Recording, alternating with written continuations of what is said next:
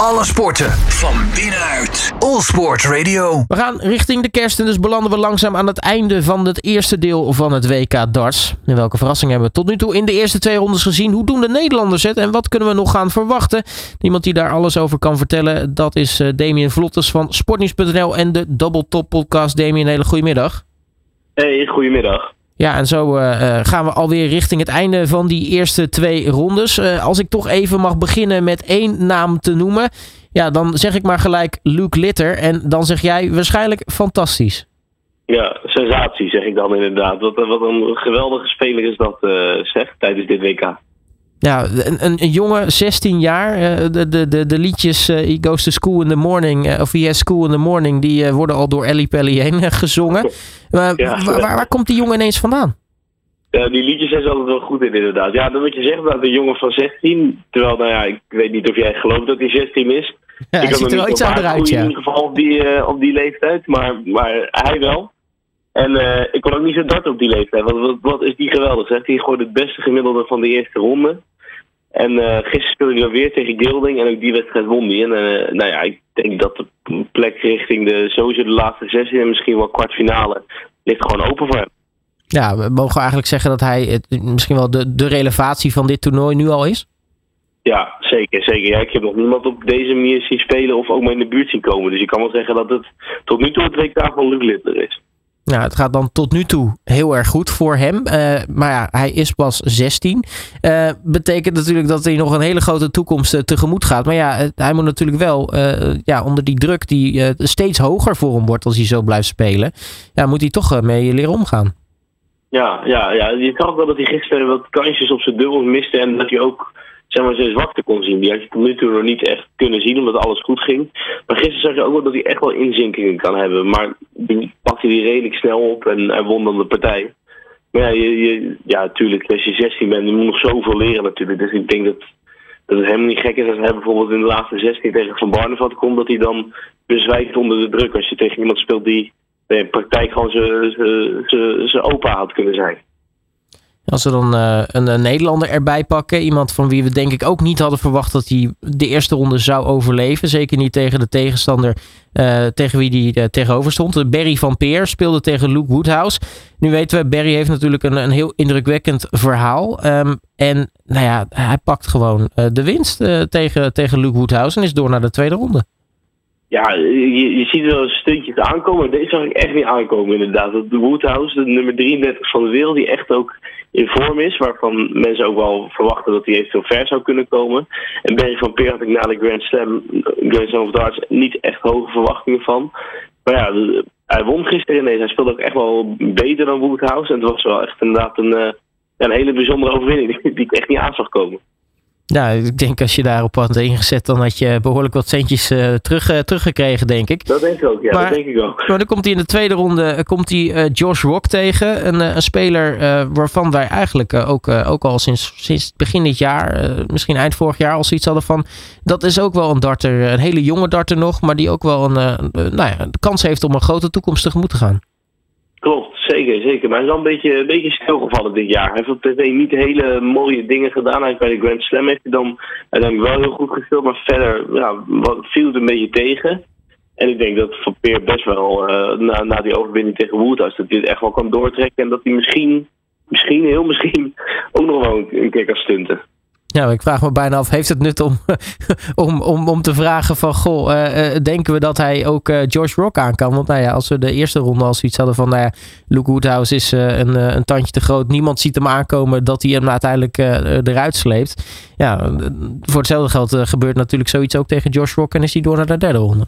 Ja, precies. Ja, Woodhouse is dan nummer 33 van de wereld. George Rock is de nummer 23 volgens mij, dus tien plekjes hoger. Nou ja, dat, nou, dan in principe zou je dat ook moeten kunnen winnen. Ik denk dat dit, dit als je zo'n overwinning tegen Woodhouse pakt, dat dat echt wel een goed gevoel geeft dat je eigenlijk van bijna iedereen wel zou kunnen winnen hoor.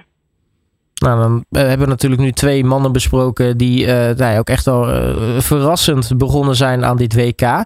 Um, als we kijken naar de andere partijen tot nu toe, wat, wat is jou voornamelijk opgevallen? Uh, ja, inderdaad, dan kom ik toch weer terug op Lidler. Die is me vooral heel erg opgevallen natuurlijk. Op de eerste avond uh, heeft de wedstrijd Michael Smit tegen Kevin Doet heel veel indruk gemaakt. Ik had, ik had uh, niet verwacht dat Doet zou spelen. En ook niet verwacht dat Michael Smith zo, sterk zou zijn. Maar goed, dat, daar, daarmee denk ik echt dat Michael Smith iets heeft laten zien aan de tegenstanders van hé, hey, ik ben wel de verdedigend kampioen. Hè, dus schrijf mij niet af, wat heel veel mensen wel hadden gedaan. En ik denk natuurlijk dat de wedstrijd van het toernooi is, denk ik wel Peter Wright tegen Jim Williams. Dat Peter Wright daar gewoon bleef wisselen met zijn pijlen en gewoon kansloos met 3-0 verliest van, uh, van de Welshman. Ja, die komt denk ik ook wel hard aan bij, uh, bij Peter Wright. Denk ik ook inderdaad. Dat denk ik ook. Als je dan, hij kwam ook weer ja, een beetje gekke hop natuurlijk. De eerste wedstrijd van het WK, hè, rustig inkomen werd dan niet heel serieus genomen door hem, denk ik. En uh, nou, dan komt het denk ik wel hard aan als je dan van Jim Williams verliest. En dat je zeker omdat je het prijzengeld verdedigde van twee jaar geleden. Ja, toen won hij het WK. Gaat flink zakken op de wereldranglijst. Dus uh, en die, die, ja, natuurlijk komt hij heel hard aan. Nou, eh, dan is uh, ook natuurlijk James Wade inmiddels al uitgeschakeld. Is natuurlijk iemand die wel uh, wat is teruggevallen in de afgelopen jaren. Maar zag er eigenlijk de laatste tijd wel een stuk beter uit. maar ja, helaas, Matt Campbell was in dit geval net met 3-2 te sterk. Dat, ja, dat verbaast me wel inderdaad. Want met Campbell is over het algemeen niet, niet super op de WK. En dit keer blijkbaar wel. James Wade is wat je zegt, de laatste, laatste maanden was hij echt wel in vorm en leek het erop alsof hij goed, uh, goed dit jaar zou afsluiten. Maar het verbaast me echt inderdaad dat hij, dat hij verloor van Matt Campbell. Ook missen die wat dubbels waar je normaal denkt, nou bij Wade op tops, die gooit het altijd uit. Maar die missie die dan blijkbaar ineens. Ja, ook hij gaat uh, zeker uit de top 16 van de wereld vallen. Ja, dat is ook wel eigenlijk iets historisch natuurlijk. Hè? James Wade die gewoon zo ver zakt. En die hebben we, nou ja, zo, zolang als ik darten keek, staat James Wade altijd. Eigenlijk bij de beste teamspelers van de wereld wel. Maar ja, ook hij ligt er dus wel uit. Nou, nu is het, uh, het WK natuurlijk ook altijd een feestje qua Nederlanders. Hè. We hebben ook uh, voor deze editie weer een heel blik Nederlandse darters opengetrokken. Hoe gaat het uh, met hen tot nu toe? Ja, nou ja, ik denk dat wat hij meenam van Cheryl, dat hij daar echt, die won, won die van, die mag daar echt tevreden mee zijn. Moet nu tegen China vanavond denk ik dat hij, dat hij ook, wel een, ja, ook wel een goede kans maakt eigenlijk als hij zo doorgaat. En ik denk dat de, de grote teleurstelling tot nu toe is nog wel Danny Noppert geweest. De, de, tweede, tweede Nederlander natuurlijk op de, op de wereldranglijst, de nummer 7 van de wereld. Die verloor gisteren met 3-0 van Scott Williams. En dan, ja, hij zat echt wel in een, in een goed, goed schema om gewoon in de kwartfinale terecht te komen. Daar waar hij dan eventueel van Gerwen zou kunnen treffen. En dan ook met de Premier League in het, uh, in het geschiet vind ik het echt zonde dat hij dit heeft weggegeven. Het is wel heel typisch Danny Noppen. Die, die altijd als hij kansen heeft om iets moois te gaan doen, dan laat hij het altijd liggen. Maar ja, dat, ik had wel echt te balen gisteren toen hij weer verloren had. Ja, want uh, nou ja, het, is natuurlijk één ding als je uh, nou ja, echt kansloos en terecht verliest. Maar ook als je kijkt naar uh, de cijfers, ja, uh, zijn gemiddelde was bijvoorbeeld ook beter dan, dan Scott Williams. En dan er zo relatief hard afgaan met, met 3-0. Ook al zijn natuurlijk de setstanden waren het ook eens 3-2, 3-2 en dan de laatste 3-1. Maar ja, dan, dan valt het ook gewoon niet de goede kant op, zeg maar. Nee, nee, nee die 3-0 was ook echt wel geflatteerd inderdaad. Het was zat dichter bij elkaar dan dat de stand deed vermoeden inderdaad. Maar achteraf bij Viaplay uh, in zijn interview was hij nou ook niet echt super teleurgesteld. Wel, inderdaad, wat je zegt, dat je eigenlijk qua gemiddelde beestjes staat te gooien, moet je gewoon doodziek zijn. En ik snap niet, bij hem is het een soort mentaliteit, denk ik, dat hij dat misschien wat te makkelijk opzij kan zetten, denk ik. Ja, nou ja, dat, uh, nou, hij is in ieder geval naar huis. Uh, Gian van ja. Veen is natuurlijk ook al naar huis. Uh, dat, dat gebeurde al een paar dagen geleden. Maar dat, dat denk ik ook weinig mensen zien aankomen. Dat hij er al zo vroeg af zou gaan naar eigenlijk ja, de relevatie die hij was uh, tijdens uh, de Grand Slam of Darts. Ja, ja, ik had van gisteren had ik het al in mijn agenda gezet. Ook Gabriel Clemens tegen Gian van Veen. Dat bleek me een heerlijk potje, lijkt me dat. Alleen, hij verslikte zich in mannelijk leugen inderdaad. Die, ik denk dat niemand die ook heeft zien aankomen. Maar de, die, die man uit Hongkong, die stond echt wel goed te gooien. Dus hij is gewoon op waarde geklopt van Veen. Zonder wel, hij kon het eerder al afmaken. En het is wel jammer dat je naar zo'n goed debuutjaar, zeg maar, dat verwacht iedereen zoveel op het WK. En dan valt de eerste ronde toch uiteindelijk wel tegen. Nou, voordat we de kerstbreak ingaan, hebben we natuurlijk nog, uh, nog twee middag- en twee avondsessies uh, te gaan. Vandaag en morgen.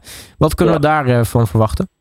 Nou ja, vanavond is natuurlijk tijd voor Raymond van Barneveld. Dat is altijd toch wel een dingetje op het WK waar iedereen, iedereen naar uitkijkt. En die, die heeft echt wel ook ja, de weg naar zijn kwartfinale ligt ook open. Want hij zou voor de kwartfinale zou hij geen geplaatste tegenstander meer tegenkomen. In theorie, mocht hij vanavond uh, goed beginnen.